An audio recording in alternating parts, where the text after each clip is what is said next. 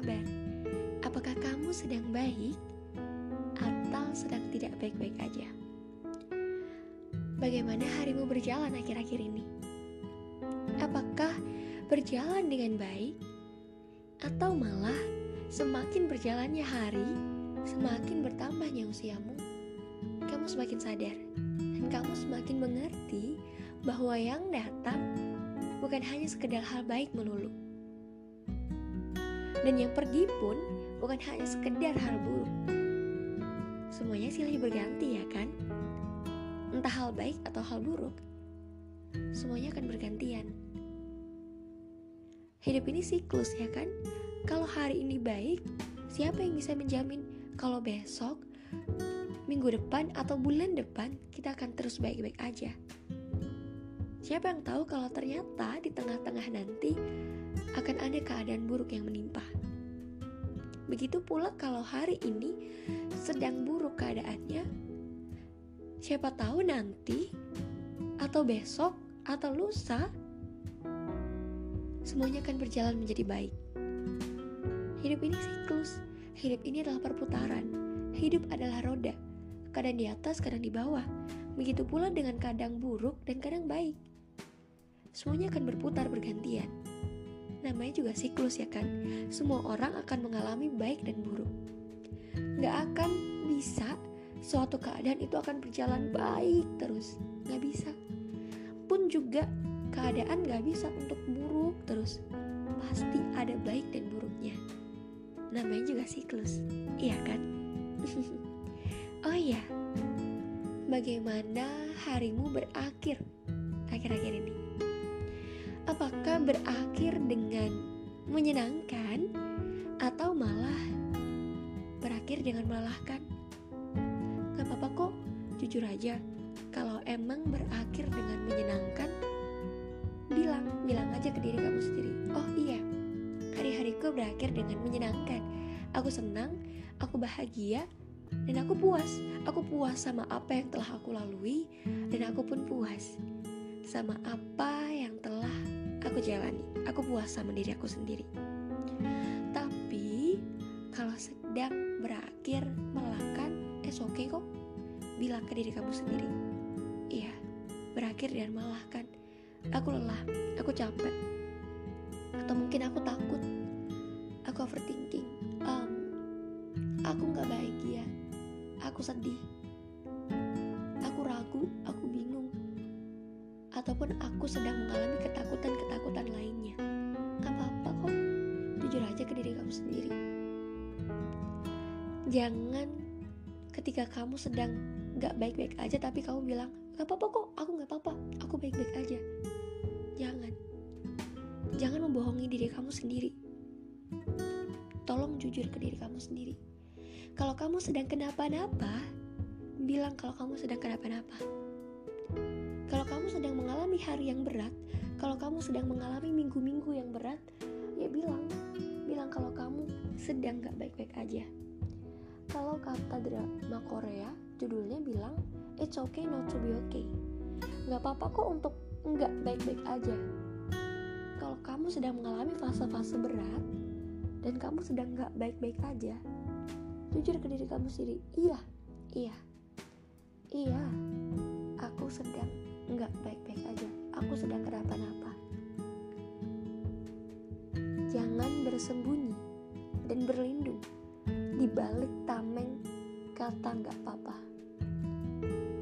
Iya walaupun ada yang bilang kalau banyak hal harus tinggal papain tapi bukan berarti semuanya harus dibilang nggak apa-apa. Sedikit-sedikit nggak apa-apa sedikit-sedikit nggak apa-apa.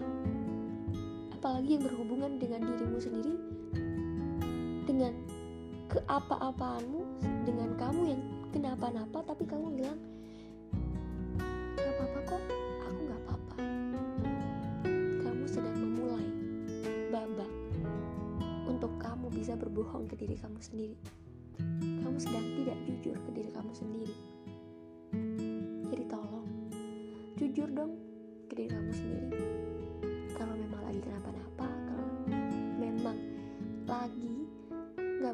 aja bilang you say it.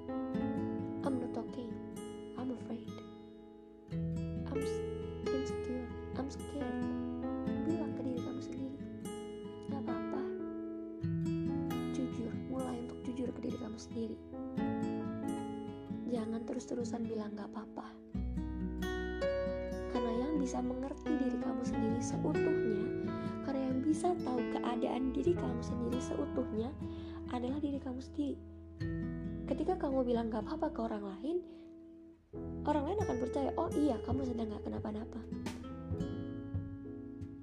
Tapi ketika kamu bilang gak apa-apa ke diri kamu sendiri, padahal kamu sedang kenapa-napa, diri kamu akan berusaha untuk terus membohongi keadaan, membohongi diri kamu sendiri.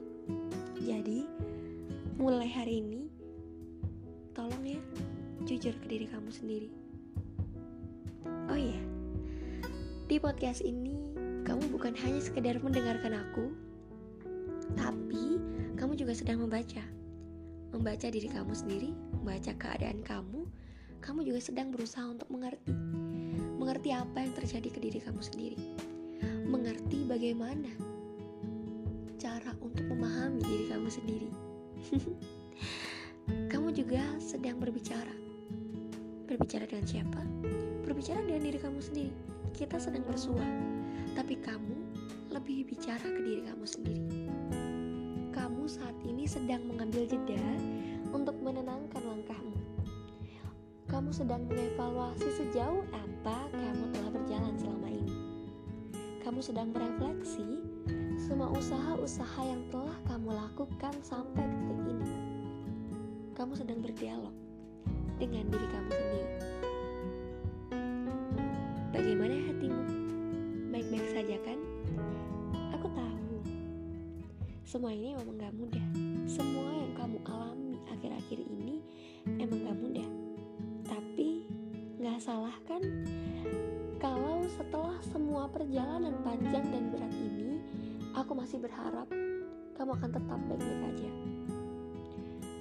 Aku sangat mengharapkan jawaban, enggak kok, enggak salah, kamu enggak salah bertanya seperti itu. Meski tanpa diberitahu pun, aku tahu bahwa semua yang sudah kamu lampaui itu banyak sekali terdapat rasa sakit dan juga rasa enggak baik-baik aja. Tapi aku nggak keliru kan? Kalau sesudah semua air mata yang telah mengalir selama ini, aku masih percaya kalau semuanya akan baik-baik aja. Aku tahu banyak sekali rasa kecewa yang berhasil menggoyahkan semangat. Banyak sekali rasa gundah yang akhirnya berujung susah. Banyak sekali resah yang membuat diri ini merasa rendah. Dalam perjalanan ini, mungkin sudah nggak terhitung berapa banyaknya rasa bosan, jenuh, khawatir, takut, bahkan tak sekali ada rasa ingin berhenti. Ketika lelah tapi hanya bisa pasrah, ketika terbalut sempurna oleh kesedihan, tapi untuk menangis saja kita udah gak sanggup lagi. Patah itu nyata dan menyerah adalah jalannya. Gak sekali kan kita mikir kayak gitu, mikir untuk menyerah, mikir untuk berhenti. Iya, apalagi di keadaannya kayak ini, di keadaan yang semua serba gak pasti. Kita nggak tahu kapan pandemi berhenti. Apalagi banyak sekali hal-hal buruk yang dengan mudah datang akhir-akhir ini. Rasa pengen berhenti itu nyata,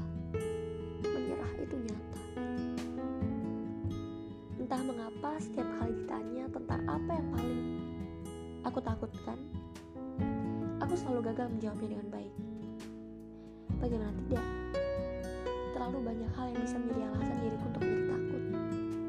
Seakan semua hal bisa saja mudah menjelma menjadi sebuah ketakutan, trauma, hingga fobia. Kamu juga kan? Aku pernah ditanya seperti ini. Apa yang membuatmu takut? Aku menjawab, banyak. Seberapa. Di situ aku menjawab, iya, terlalu banyak, hingga sulit disebutkan. ia pun tetap kekeh. Sebutkan satu saja. Aku pengen tahu. Akhirnya aku menjawab, aku takut kecewa. Tapi aku lebih takut kalau orang lain kecewa dan alasan kecewanya Iya kan? Terkadang yang kita takutkan adalah ekspektasi orang lain, bukan ekspektasi diri kita sendiri. Ya, bagaimanapun hidup ini akan tetap terikat sama ekspektasi dan harapan. Sadar nggak? Kita hidup dalam lingkaran harapan. Kedengarannya sih bagus, lingkaran harapan. Padahal aslinya tidak becus. Terdengar baik, padahal sebenarnya kita sedang tercekik. Kenyataannya memang seperti itu. Kita bukan hanya sekedar makhluk sosial, kita juga makhluk ekspektasi. Kita hidup dalam bayang-bayang ekspektasi, entah dari diri sendiri, orang tua, keluarga, ataupun orang lain. Kita hidup sembari terus memunculkan ekspektasi-ekspektasi baru setiap harinya, dan tak lupa juga untuk sambil mengusahakan ekspektasi-ekspektasi yang lain. Kita berekspektasi, tapi juga mengusahakan ekspektasi-ekspektasi sebelumnya. Tapi ekspektasi itu nggak berhenti, akan terus ada, terus berekspektasi. Kamu sadar nggak? Kamu berjuang sampai ke titik ini karena ekspektasi kan? Kamu punya mimpi, punya mimpi untuk jadi orang hebat misalnya. Kamu berekspektasi pada diri kamu sendiri, dan tidak bisa dipungkiri pasti orang tua juga mengekspektasikan hal yang sama padamu. Lalu kamu berusaha sebisa mungkin untuk mewujudkan ekspektasi itu. Tak menutup kemungkinan orang lain yang tahu perjuanganmu akan berekspektasi pula padamu. Kemudian bertambahlah beban di pundakmu. Bertambahlah tanggung jawab untuk memikul ekspektasi-ekspektasi orang lain banyak ekspektasi yang harus kamu penuhi. Tak perlu munafik. Kamu memang takut gagal kan? Aku juga takut gagal. Tapi kamu lebih takut untuk gagal memenuhi ekspektasi kan? Gagal memenuhi ekspektasi diri sendiri saja sakitnya sudah luar biasa. Apalagi gagal untuk memenuhi ekspektasi orang lain. Gagal dalam perjalanan memanglah sebuah hal yang wajar dan normal untuk terjadi. Sayangnya, ekspektasi membuatnya seakan tak wajar. Gagal saat berjuang adalah suatu hal yang normal, yang gak apa-apa. Yang apa-apa itu saat kamu mengatakan kegagalan ini ke orang yang telah berekspektasi padamu. Apalagi saat kamu melihat reaksi kecewa mereka. Beragam, ada yang tersenyum kaku, ada yang meng oh pelan, ada yang menahan kecewa, ada yang mengeluarkan raut sedih, ada yang marah, hingga ada yang menahan tangis. Bermacam-macam. Semuanya sanggup meruntuhkan benteng pertahananmu yang tangguh. Semuanya sangat cukup untuk mampu membuat air matamu tak lagi bisa dibendung.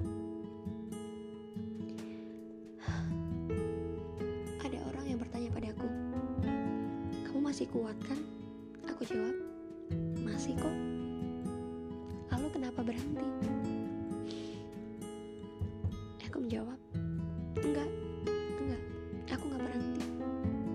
Aku cuma mengambil jeda. Hei, kamu juga begitu kan? Dalam perjalanan yang enggak mudah ini, dan dengan ekspektasi yang tidak ringan, Bisakah kamu melonggarkan sabuk dan menyamankan pundak dari semua beban-beban yang telah kamu pinggul selama ini, yang telah ada di pundakmu selama ini?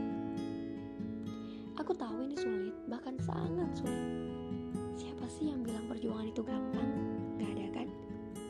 Dari zaman kerajaan Majapahit, kita semua tahu kalau perjuangan memang gak ada yang gampang juga perjuangan pasti ada yang harus dikorbankan ada yang harus direlakan dan ada yang harus dilepaskan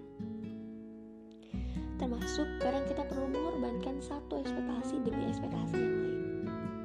Termasuk kita perlu merelakan ekspektasi diri kita sendiri demi ekspektasi orang lain. Termasuk juga kadang kita perlu melepas ekspektasi yang sudah dirawat bersama mimpi sedari dini dan menggantikannya dengan ekspektasi lain yang harus hadir karena dipaksa oleh situasi dan kondisi. Terkadang memang lucu cara kerjanya.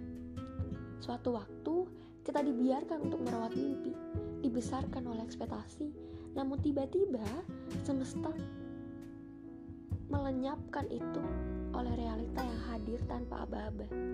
Bayangkan, ketika kamu harus melepas mimpi lama dan menggantikannya dengan mimpi baru. Bukan kata mudah melepas cinta lama dan menggantikannya dengan yang baru. Gak mudah kan? Aku tahu rasanya. Kamu pasti juga tahu.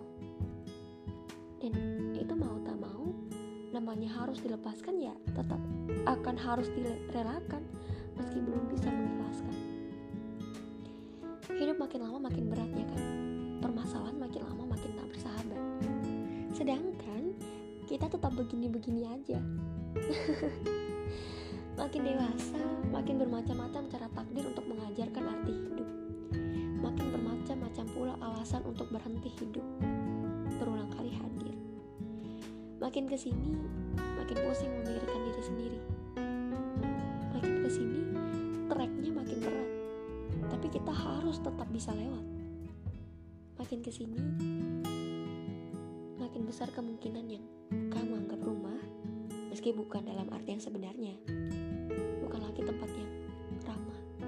Makin ke sini, makin berpeluang pula tempat berpulang bukan lagi ruang ataupun seseorang, melainkan hanya diri kamu sendiri. Aku tahu, aku tahu.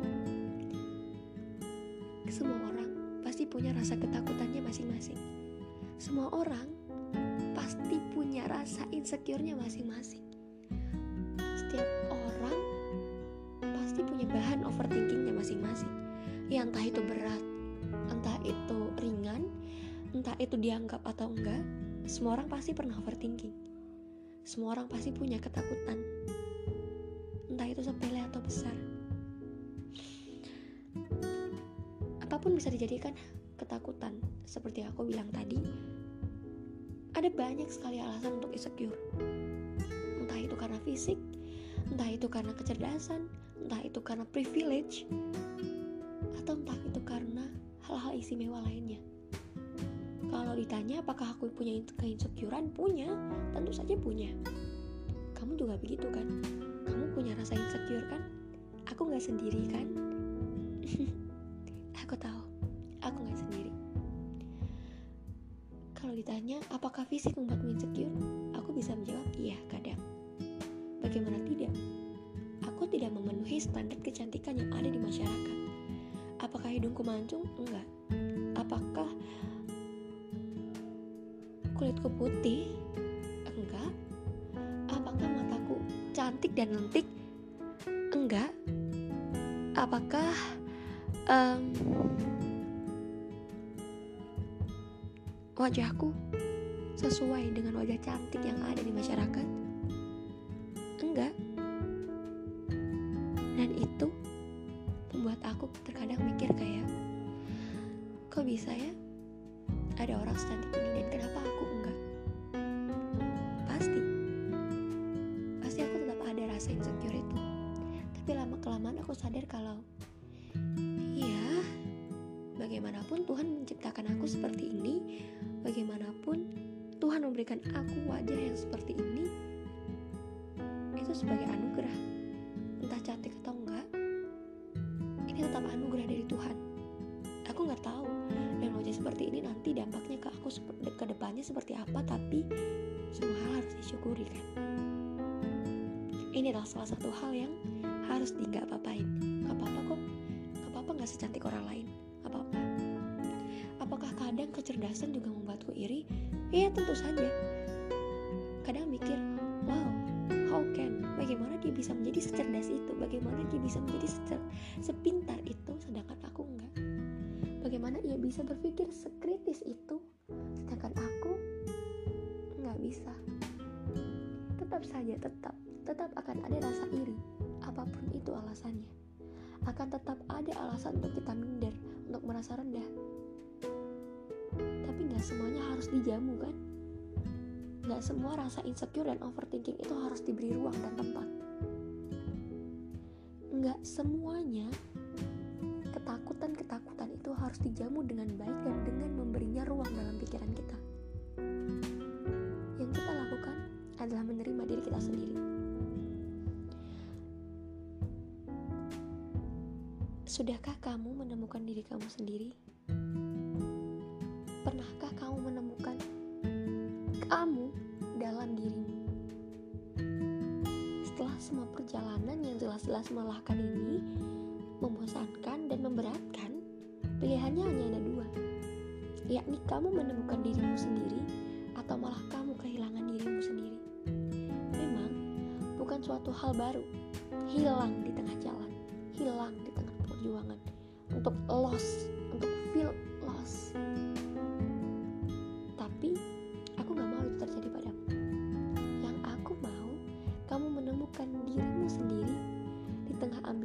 dalam mencari jati diri.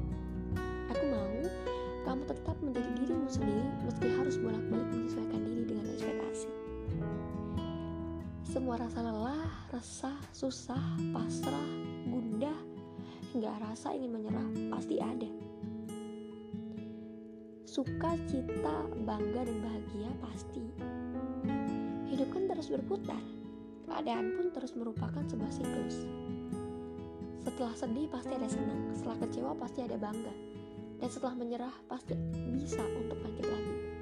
Accept yourself. Kalau kamu tidak sesuai dengan ekspektasi orang lain, kamu harus menerima. Menerima diri kamu sendiri. Kamu harus menerima apa pun yang terjadi pada diri kamu sendiri. Karena kalau kamu gak menerima diri kamu sendiri, siapa yang bisa menerima diri kamu? Gak ada kan?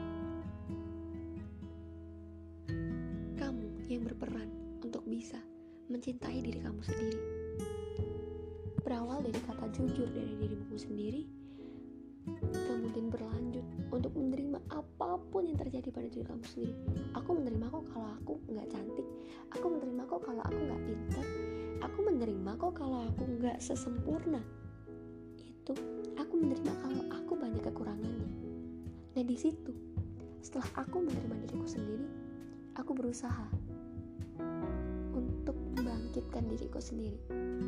Aku berusaha untuk menutupi kekurangan-kekuranganku dengan perjuanganku. Aku menutupi apa yang enggak aku punya dengan apa yang telah aku punya. Bukan orang lain yang harus menerimamu, melainkan diri kamu sendiri. Bukan orang lain yang harus mencintaimu, melainkan diri kamu sendiri. Cinta berawal dari diri kamu sendiri. Perjalanan dan perjuangan ini ada di tanganmu. Kamulah pemeran utama dalam cerita ini. Lanjutkanlah kisahmu dengan hebat, lanjutkanlah mimpimu dan ekspektasimu tanpa perlu mengkhawatirkan yang tidak perlu. Kalau lelah, istirahat. Jangan memaksakan diri sendiri, pelan-pelan aja, sebisamu, asal jangan berhenti. Kalau kamu tidak mendapatkan pelukan dari orang lain, kamu gagal, ketika kamu ingin menyerah, ketika kamu ingin berhenti, dan kamu tidak mendapatkan pelukan dari orang lain untuk menenangkanmu, peluklah diri kamu sendiri.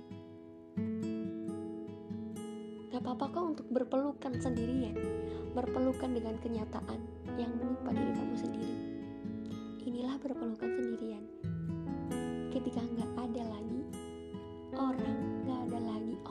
Bisa kamu jadikan tumpuan untuk berpelukan, berpelukanlah dengan diri kamu sendiri.